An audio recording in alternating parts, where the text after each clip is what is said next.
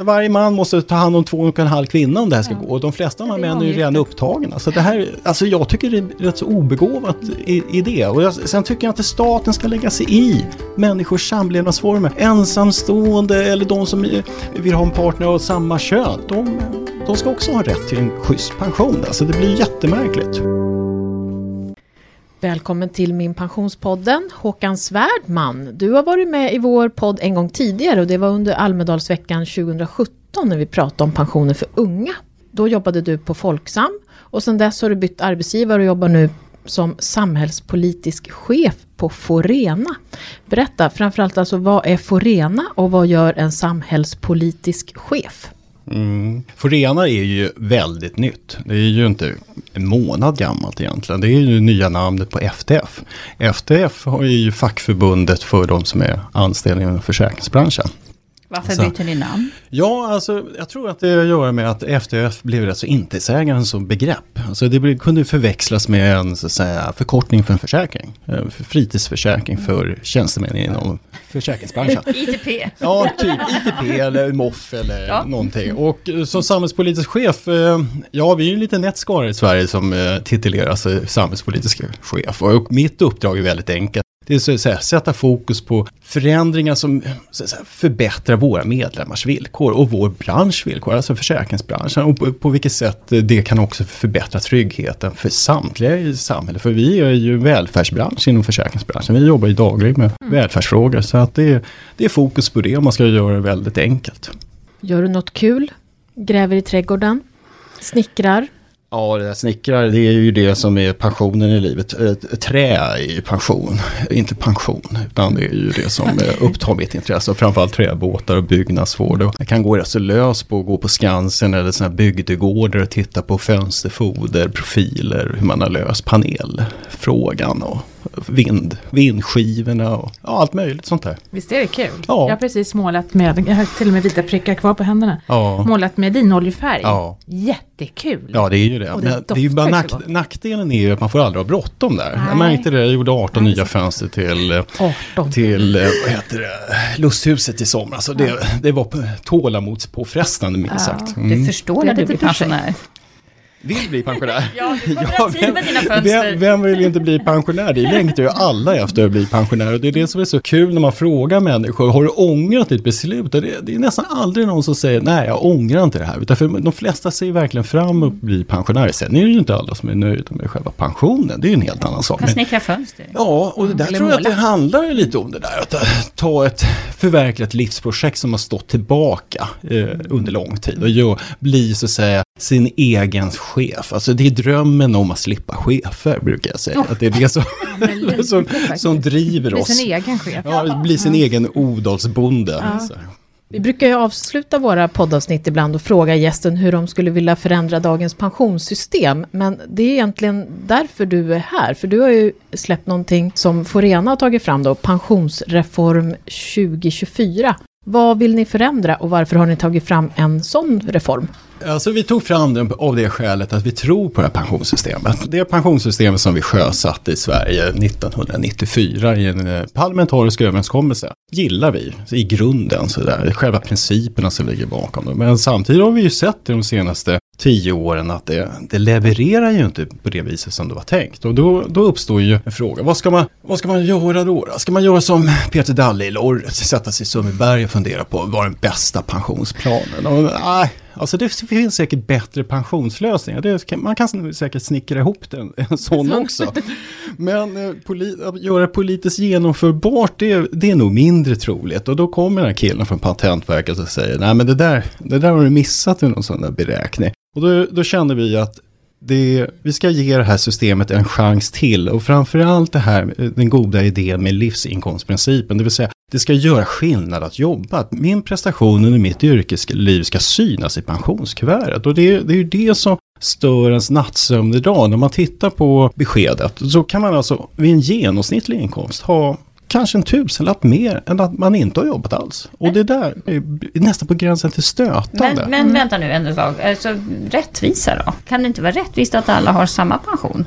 Jo, som, det kan det ja. vara, men då får man bestämma sig för det. Ja. Jag, inget, jag skulle inte ha något problem med en enhetspension om man hade politiskt beslutat sig för att man skulle tänka sig tanken att alla ska garanteras ett, ett rejält skydd mot fattigdom. Ty, I Sverige skulle det vara någonstans mellan 12 till 13 och halvt tusen, någonstans i de svängarna. Och eh, jag har räknat lite på det som Peter Dalle har gjort också. Och då tänkte jag så här, vad, vad krävs det för att leverera 13 000 kronor till samtliga individer över 65 år? Och det skulle faktiskt kosta exakt nästan lika mycket mm. som dagens pensionssystem. Och i, i, snitt får de flesta 12 000 kronor i pension. Så att på något sätt har vi hamnat där. Men det är ju inte tänkt att det ska vara så. Och då skulle man kunna tänka sig att det här eh, standardtryggheten, det vill säga den, den ekonomiska trygghet som jag har byggt upp under mitt yrkesliv, den får jag ansvar för själv utöver det grundskydd som staten levererar. Och då skulle man ju kunna tänka sig att det är ju kollektivavtal och individuella tjänstepensionslösningar på det. Men vi har ju bestämt oss sedan 1957 att vi ska ha ett allmänt system som faktiskt levererar någonstans mellan 60 65 procent. Sen ska vi ha en,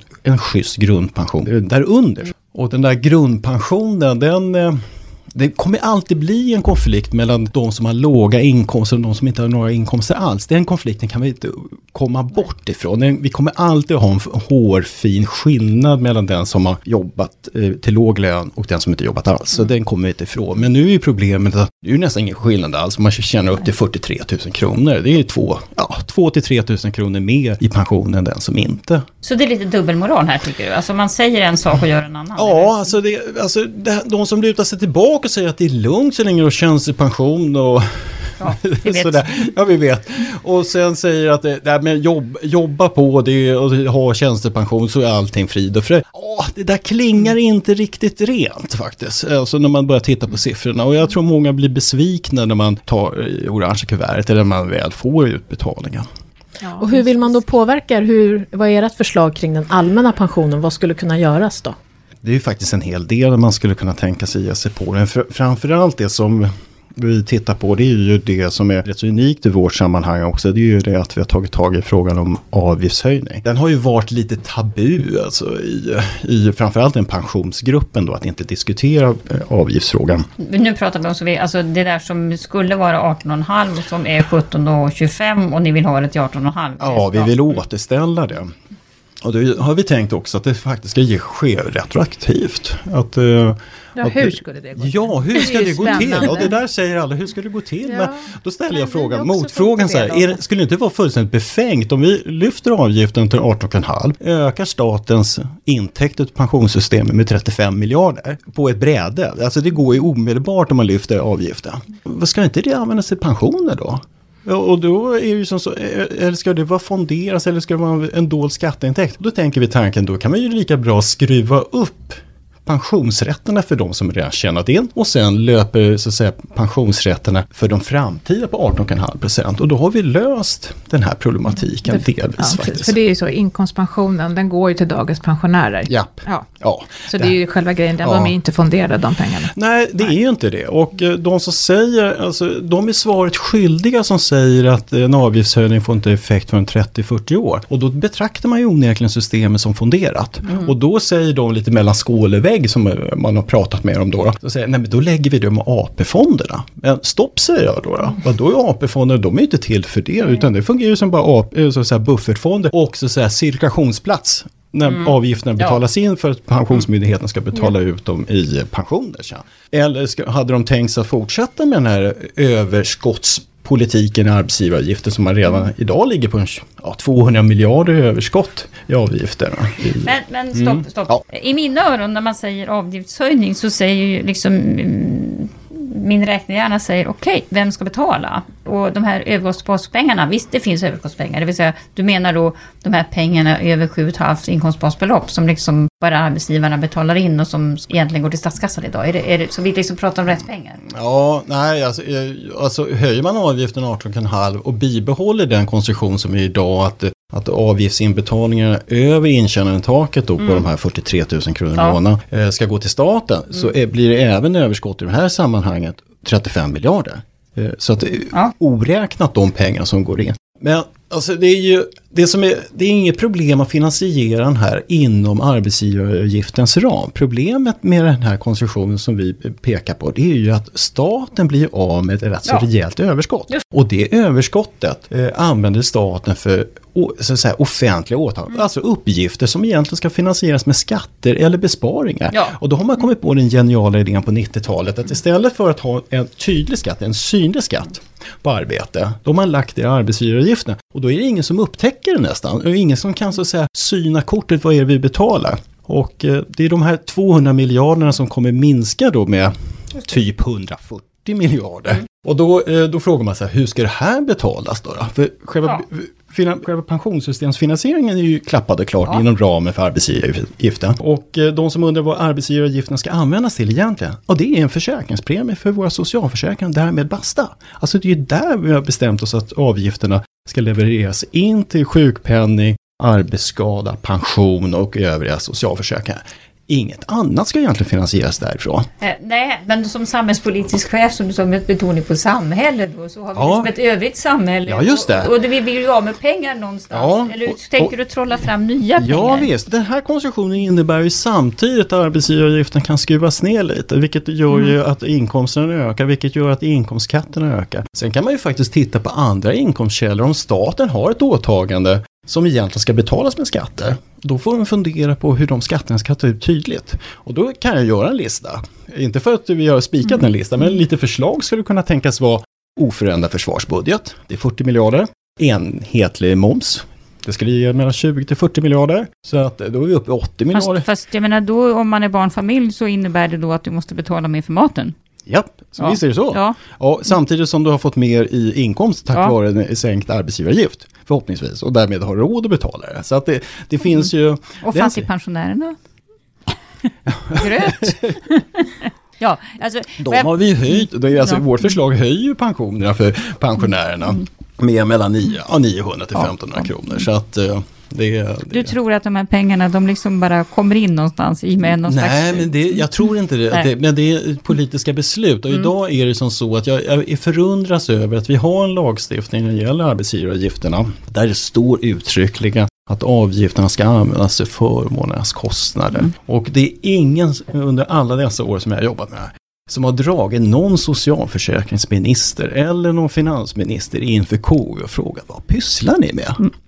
Det är för mig förundligt, men jag kanske inte egentligen så förundligt, för alla vill ju använda sig av det här skattetricket. Ja. Och, eh, och då tycker jag det är mer renhåret att tala om hur saker och ting ska betalas tydligt och klart så att folk förstår vad det här handlar men, om. Men lite grann för att sammanfatta det här så, så talar du någonstans om dynamiska effekter som det brukar heta. Det vill säga att om man gör så här så kommer det att generera mera pengar på totalen. Alltså att du får högre inkomster, mera skatter. Är det så du försöker säga? Ja, delvis finns mm. en sån sida. Och sen är det såklart man måste göra en prioritering på mm. Eh, så att säga, vilka skatter man ska förändra. Och sen kan man ju faktiskt titta på ROT och RUT. Mm. Om vi sänker arbetskostnaden så kanske det finns skäl att sänka RUT. För det var ju det motivet för att det var för dyrt att anställa folk. För arbetskostnaden för dyr. Så att det, det är alltså, man kan börja... Det går ju för dig som är snickare. Men... vi andra. Ja, vi andra ja just det. Ja, men vi, kan, vi kan väl säga så här, men vi kan ju ta det efteråt med mm. vilka ja. uppdrag ni behöver ja. så att säga, ha hjälp med. Ja, ja. det är bra. Det är bra. Ja. I den här pensionsreformen då så har du identifierat några riskgrupper som kommer särskilt illa ut i dagens pensionssystem. Och det är då kvinnor, det vet vi ju om sedan tidigare, utrikesfödda har vi också pratat om tidigare, och företagare. Sen så finns det en grupp som du kallar för krascharna. Vilka är det? Berätta. Ja, krascharna hittade jag på faktiskt som begrepp förra ja. året. Jag skulle ha haft seminarium med TCO. Och det egentligen har gått att grunna på den där äh, gruppen rätt så länge. Och det, det som satt mig på spåret var ju Lehman Brothers-kraschen. Där vi hade en finansiell tsunami över världen som sänkte AP-fonderna tror jag 38 procent mm. i värde. De flesta premiepensionerna föll nästan i, i, i samma nivå. Och då börjar jag undra, alltså, vad, vad blir det här för effekter år 2035, 20, år 2040? När de här premiepensionsdelarna i ens eh, pension kanske inte utgör 400 kronor utan utgör kanske 3000 kronor. Utgör en betydande del av min totala pension. Om 40 procent av det kapitalet försvinner över natt då blir det lite kämpigt. Och då, då talar jag om krascharna, det vill säga de som har gjort allting rätt i livet, mm. men kanske inte på sluttampen. Det betyder att de har kommit ut i arbetet, de har skaffat sig en tjänstepension, antingen via kollektivavtal eller individuell avsättning och eh, haft det hyggligt koll på det här med sina avsättningar. Men så kanske tappar lite uppmärksamhet efter 60, eh, vilket många gör faktiskt. Jag menar, det är ju inte alla som har järnkoll på sina placeringar. Och sen kommer ju den där tsunamin igen upprepas. Och den kommer ju. Det är, alltså, det är inte frågan om utan när den kommer. Och då kommer ungefär en, kanske en 20-30% av kapitalet försvinner över en natt. Och det där kommer den personen inte ha kapacitet att ta hem under sin kommande pensionsperiod i praktiken. Är du säker på det? Nej, inte säker, helt såklart. Men det är alltså, erfarenheten hittills har ju visat sig att det är svårt att, så att säga. Om vi tänker en värdeökning på 2-4% per år på det kapitalet. Så det tar ju en stund innan. Ja, fast, fast 2008, den krasch som var då, alltså man hämtar ju hem det ganska fort. Ja, själva mark Alternati ja, för alternativet, ja. alternativet menar du då om man nu ser på premiepensionen som fenomen, eller som, om man jämför premiepensionen med inkomstpensionen, så levererar ju ändå premiepensionen en ganska mer värdeutveckling och har gjort över tid. Du menar att vi, vad är alternativet? Ska vi bara ha inkomstpension då? Eller liksom, Nej, vad är din tanke? Det, nu går det för snabbt. För ja. ja, det går för snabbt. Ja. Nej, men vad jag menar, eller vi på Forena menar, det är att man måste ha lite livrem och hängslen i de ögonblicken när man börjar närma sig pension. Och, och då tänker vi tanken att man skulle ha en åldersanpassning anpassad eh, riskprofil när man kommer över 60. Att, eh, att fonderna som finns på premiepensionstorget slår över till att säkra upp pengarna i tryggare placeringar helt enkelt när de passerat 60.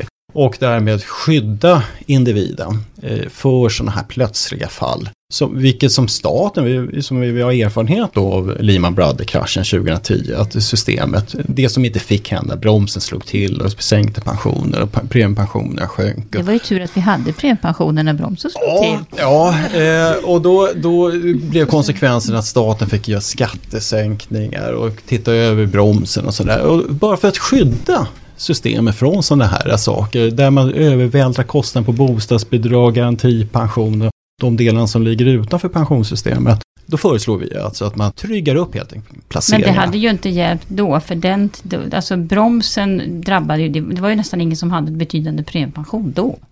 Nej, då nej. nej. Men i framtiden kommer ju vara... Jo, men jag det, menar det ja. du pratar om, det som hände 2008-2009 var ju faktiskt att det var inkomstpensionen som minskade eftersom vi levererade in mina, mindre pengar, vi som jobbade. Jo, men alltså vi, om vi tittar på själva premiepensionsdelen så även den påverkas då. Och, och vi tänker scenariot om 20-30 eh, år när de här eh, placeringarna utgör en betydande del av ens pension så kan fallet bli påtagligt. Och det här är ju en lärdom också som man har inom tjänstepensionsområdet. Det är därför många avtalsområden faktiskt ser till att man har minst hälften i traditionell mm. pensionsförsäkring. Och det är ju för att säkra upp kapitalet för att inte fall, eh, plötsliga fall ska ge sådana stora effekter för så att säga, spararna. Och det ska jag inte som individ få välja själv då. Jag firade min pappas 98-årsdag mm. igår. Eh, ja, mellan 60 och 98 är ju ganska många år. Ja. Eh, det är ju risken faktiskt att han skulle få ganska dålig pension då om han inte kunde få ta lite högre risk. Nej, det där delar inte jag, att den risken är uppenbar. Sen finns ju också, i ett allmänt system finns det också skäl till att så att säga ha eh, en större fokus på trygghet. För vi här kastar vi ut människor på den finansiella kapitalmarknaden och hittills har det visat sig att prestationen har haft mindre betydelse än slumpen när det gäller avkastningen på premiepensionstorget. Och eh, då då är det system också som tvingar individerna att spara för att individerna, man anser från statens sida att det ska finnas ett hyggligt fattigdomsskydd, ett standardskydd för de här individerna. Och då kan ju inte staten avhända sig skyldigheten att se till att en konstruktion riskerar att få följdeffekter på andra åtaganden som bostadsbidrag och garantipension. Så du menar egentligen att man ska ha en traditionell försäkring från det man fyller 60? Ja, eller att man eh, sätter över på räntebärande obligationer, räntepapper istället för och, och jag som individ får inte välja själv utan det har vi bestämt att det är en åldersrelaterad. Ja, ungefär den modellen. Exakt hur vi skulle vilja ha det. Men alltså den modellen vi har idag på till exempel AP7. Mm. Och de flesta mm. entréfonderna tillämpar också det. Så det, är inte på något sätt Nej. främmande utan det är också ett ansvarstagande för att göra premiepensionen billigare, tryggare och säkrare helt enkelt. Behöver vi ha, för det är ju också en fråga, vi frågade ju när Fransson när han var här från PPMs chef. Behöver vi ha fonder överhuvudtaget? Räcker det inte med AP7? Ja, utvecklingen verkar gå åt det hållet ja. av naturlig väg på något sätt. Om man tittar på de flesta idag så verkar de flesta hamna där. Ja, så varför inte... håller vi på? Vore det inte enklare liksom ja. bara one size fits all? Ja, alltså det är Det, jag tror att vi ska låta systemet ha en chans till. Det är orimlig konstruktion idag med alla dessa är det 800 fonder. Eh, nu är det bara 500. Ja, just det. Ja, Shrinking. Ja, det, i och med, Alla minnen försvinner. Ja, men i, i, och med, i och med den förändringen som skedde nu i höstas då, så ska det reduceras då till 500. Men även 500 är nog rätt stort utbud. Jag brukar jämföra med, ska man göra ett rationellt framgångsrikt val så krävs det rätt, dels är det så hyggliga kunskaper och sen är det rätt så begränsade alternativ. Och det där har man också inom tjänstepensionsområdet sett att det, det är bättre att så att säga skruva ner det. För människor har svårt att göra bra val. Nu har vi hört om de här krascherna då och mm. att, vad du har för förslag till dem. Men det fanns ju andra riskgrupper också. Kvinnor, utrikesfödda, företagarna. Vad, vad tycker du, hur ska man hjälpa dem? Går det ja, gemens, de har ju då gemensamt att de antingen har kommit igång sent på, i livet på arbetsmarknaden eller jobbat mycket deltid av olika skäl eller har sparat för lite som småföretagarna. Och då, då finns det delar i systemet man skulle kunna skruva lite i för att eh, faktiskt eh, göra det mindre eh, skadligt för dem. Eh, så, så de skulle kunna eh, få ett bättre utfall på sin pension. Då, där är det ju först och främst att titta på bakomliggande inkomst när man är sjuk och arbetslös eller föräldraledig. Idag är det ju, man glömmer bort att avgiften till sin pension när man är arbetslös eller sjuk, den beräknas ju på utbetald ersättning. Hade man däremot förtidspension, eller sjukersättning som det heter idag, eh, då beräknas den på bakomliggande inkomst, det vill säga 93 procent av den tidigare inkomsten. Mm. Men i det, i, när man är sjuk eller arbetslös då får man en avgift på utbetald sjukpenning och den ligger kanske på 77, 70, ja, 70 procent av sin tidigare inkomst, vilket gör att pensionsinbetalningen i de lägena i livet blir lägre. Och när man räknar på det här, eller vi på Forena räknar på det här, då ser vi ju att det skulle förstärka. Om man har beräkna avgiften på den bakomliggande inkomsten eh, så skulle man kunna förstärka pensionen med ungefär 20-30% i de tillfällen då man är arbetsoförmögen eller ledig för att ta hand om barn. Nummer två det är att inkomstindexera garantipensionen. Eh, det, är ett, eh, det blir en effekt och effekten av detta det är ju att dels är det ju att gapet mellan personer med inkomstpension kontra garantipension inte vidgas när de har blivit pensionärer, vilket vi ser idag. Att de med inkomstpension, de springer iväg eh, standardmässigt, springer och springer, men alltså de drar iväg i förhållande till de som har garantipension. Och garantipensionen höjs med prisbasbeloppet. Där tycker vi att garantipensionen ska följa inkomstbasbeloppet, det vill säga följa inkomsterna. Och det skulle minska de individernas behov av bostadstillägg eller också äldreförsörjningsstöd när det gäller de som är utrikesfödda. Och nummer tre, det är ju att se till att det finns förmånliga villkor för att spara själv. För det är ju så att har man kanske jobbat deltid eller kommit till Sverige lite sent, så kommer man igång på arbetsmarknaden. Man vaknar till kanske, nu vill jag ta, ta tag i det. Och får in en hygglig inkomst, då ska man ha en sportslig chans att eh, spara de här pengarna. Och då säger folk, ja men det finns ju investeringssparkonton och sånt där. Jo det finns det, men det är inte alls lika fördelaktigt som det var förut när det var med avdragsrätt. Nu vill inte vi ha avdragsrätten tillbaka, utan vi vill se en annan konstruktion. Men alltså ha ekonomiska incitament för att kunna spara klara själv att ta ikapp det här. Ytterligare en grupp, det är ju de som jobbar utomlands under kortare och längre tider. Sen, ja. ja, mm. de kommer ju också drabbas av det här att de inte har tjänat in tillräckligt med tjänstepension. Och det. Mm. Så att där kan jag också tycka att man, det här är också en grupp som inte motsvarar mallen för att Nej. bli framgångsrik i dagens system.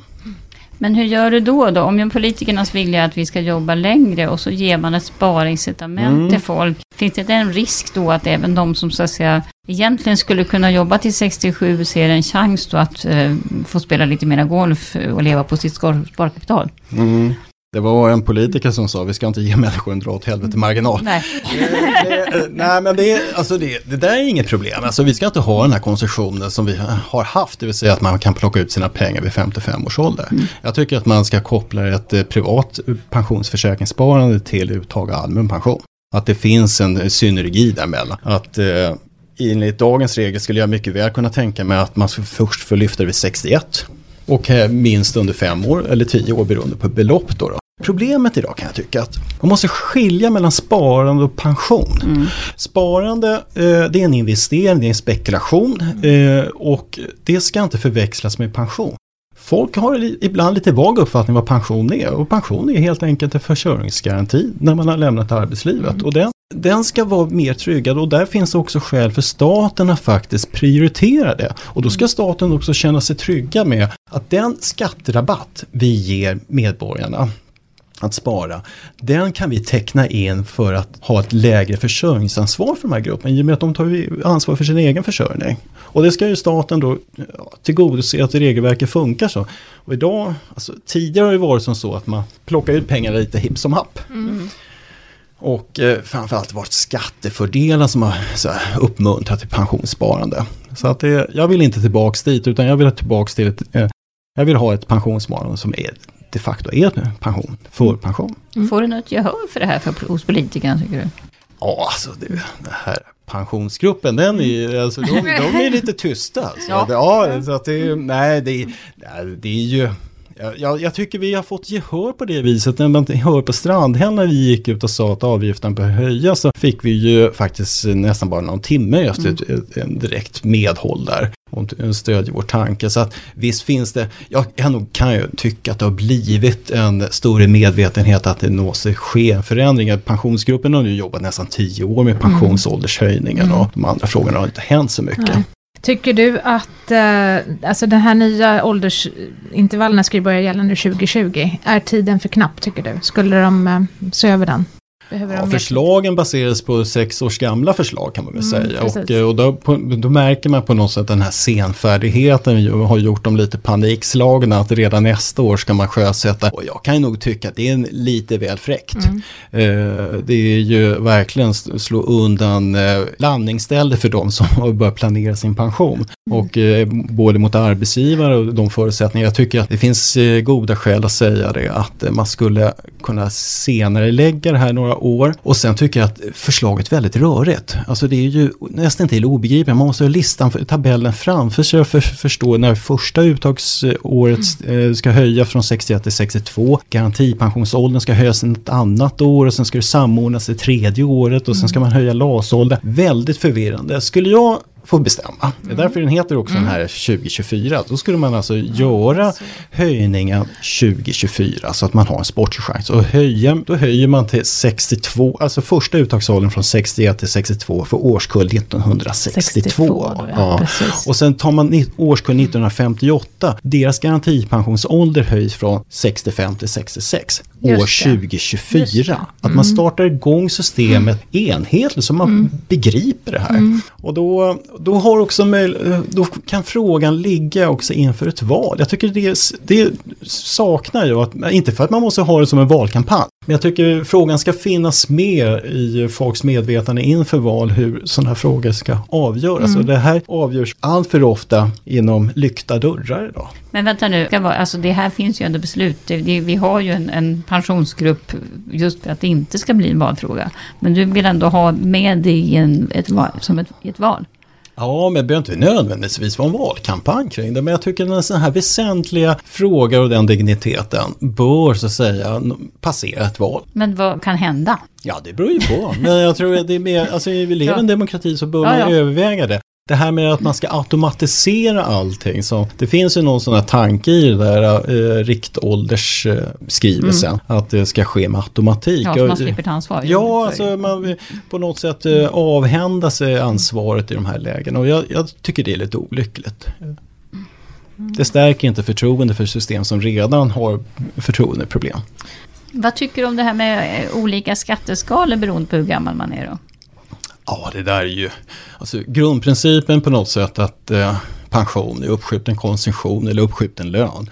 Och då bör man ju, kan jag tycka, att eh, det bör beskattas lika. Sverige är ju rätt så unik på den fronten. Jag tror faktiskt bara vi gör sällskap på Finland som har olika skatteskalor på negativt sätt mm. för pensionärer. De flesta länderna som har alltså andra skatteskalor brukar vara mer fördelaktigt för pensionärer. Då, då. Fast det uppmuntrar ju, jag menar du har ju en fantastisk utveckling om du jobbar efter 66. Ja, ja, visst är det det. Men eh, alltså, jag har inget emot att man jobbar efter 65. Alltså, det är, Nej, men det premierar, alltså man är ja. nästan mer attraktiv på arbetsmarknaden. Ja, ja. Så tänkte jag. Ja, ska visst. det vara så? Ja, eh, ja, just det, ska det vara så. Och det är ju till och med så fördelaktigt att det är lägre arbetsgivaravgifter och det är lägre skatt. Så både för arbetsgivaren och för mig som anställd så, så är det ju fördelaktigt jag tror att det är på något sätt viktigt att, att vi eh, kan ha stimulans generellt för att arbeta vidare. Men eh, när det gäller grundskyddet så tycker jag det är lite stötande när man kastar in sånt här. För grundskyddet ska rikta sig till alla individer som har uppnått en viss ålder som man anser har lämnat arbetskraften. Tycker man att de ska vara kvar i arbetskraften då är det mer rimligt att höja åldersgränserna då istället. Du, det finns en annan sak också där du går lite stick i stäv mot andra och det är ju det här med att överföra premiepension mellan makar. Som ju börjar flagga för väldigt mycket, inte minst från politiskt håll, som en, ja. en idé att jämna ut. Varför är du emot det här?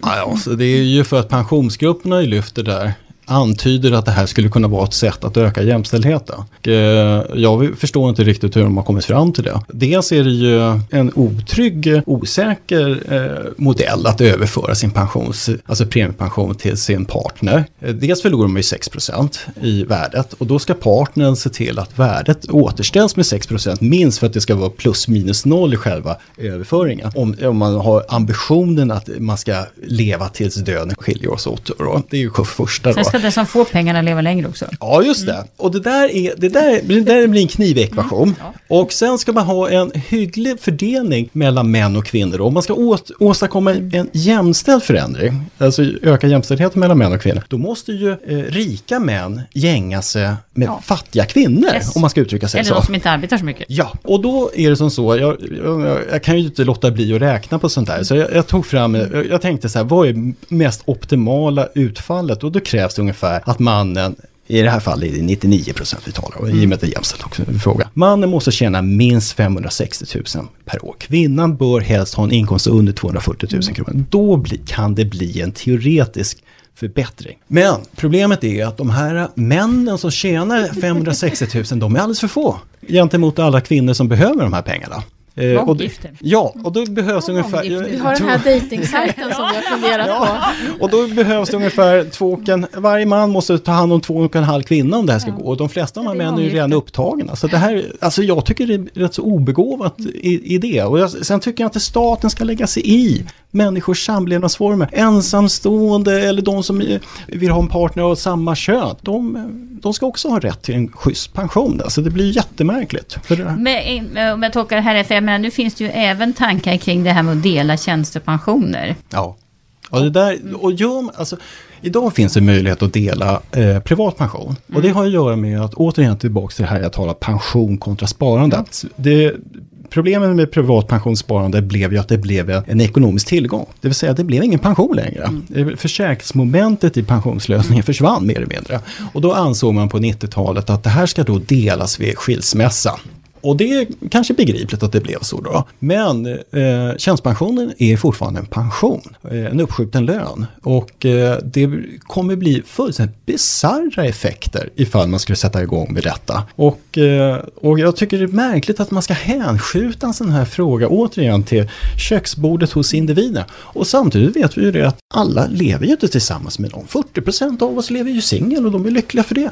Om du fick möjligheter att göra om min pension, eller inte göra om, men om du skulle vilja, är det någonting du tycker du har tänkt på att vi skulle kunna utveckla, göra bättre? Ja, alltså det, den är ju imponerande som den är idag. Alltså ja, det är tycker ju, jag. Ja, alltså det är enorm eh, tillgång sådär för att eh, för människor att få en bra uppfattning. Jag menar, när jag jobbade på Folksam så hjälpte jag många kollegor med sådär, min pension för att de skulle... Det finns en oerhört uppdämd behov att förstå och då är ju min pension alldeles utmärkt. Det som jag funderar, det här var ju egentligen den svåraste frågan. ja, de och då, då har jag nog listat ut vad jag skulle vilja eftersöka. Vi har ungefär, jag tror att det är 80 000 svenskar som jobbar i Norge. Mm. Jag tror att 40 000 jobbar i Danmark. I Danmark jobbar man nog nästan dagligen och det är väldigt få av svenskarna som bor där. Utan de, de åker över med, mm. tack vare bron då, då eller båtarna uppe i Helsingör. Där. I Norge är det både och, det är både så att gränsgångare och bofasta. Där de personerna har väldigt små chanser att se vad, vad de har tjänat in mm. när de jobbar i sina grannländer. Och där tror jag att man skulle, om vi inte har missminner mig, så har både Norge och Danmark motsvarigheter. Det har de. Ja, har de. Eh, och då skulle man kunna tänka sig att... Eh, Samordna på något Ja, att man mm. ser. Eh, I och med att i, i, i Norge har man ju obligatorisk tjänstepension mm. och i Danmark är ju väldigt likt Sverige där. Det, du var ja, väl på några möten någon gång, ja. eller hur? Nere i Danmark? Ja, ja nej men alltså det finns planer på det här, ja. att man ska försöka ordna det. Och annars så får vi ju tills vidare, får, ju, får du ju shoppa loss på de olika, minpension.no och ja. minpension.dk. Mm. Fast det vore ju bra om man kunde få bra. på ett bräde. Har ni länkat det då? Ja, det har okay. vi. Ja, mm. Vi har länkat till alla möjliga eh, ja, pensionssajter, det som, det som finns. Men vi är ganska, alltså Norden är ju, eller vad heter det, Norge, Danmark och Sverige är väl de som är bäst i klassen. Ja. Ja. Och sen så är väl Nederländerna har väl också ja. ganska bra. Mm. Tror jag. Det som är unikt med oss är ju personnummer. Det är därför mm. det är enkelt. Vi får mm. exportera det först. Mm. Var hittar man den här pensionsreform 2024 någonstans? Om man vill läsa hela? Ja, det enklaste är att gå in på fackförbundet Forenas hemsida, forena.se. Där kan man tanka ner den.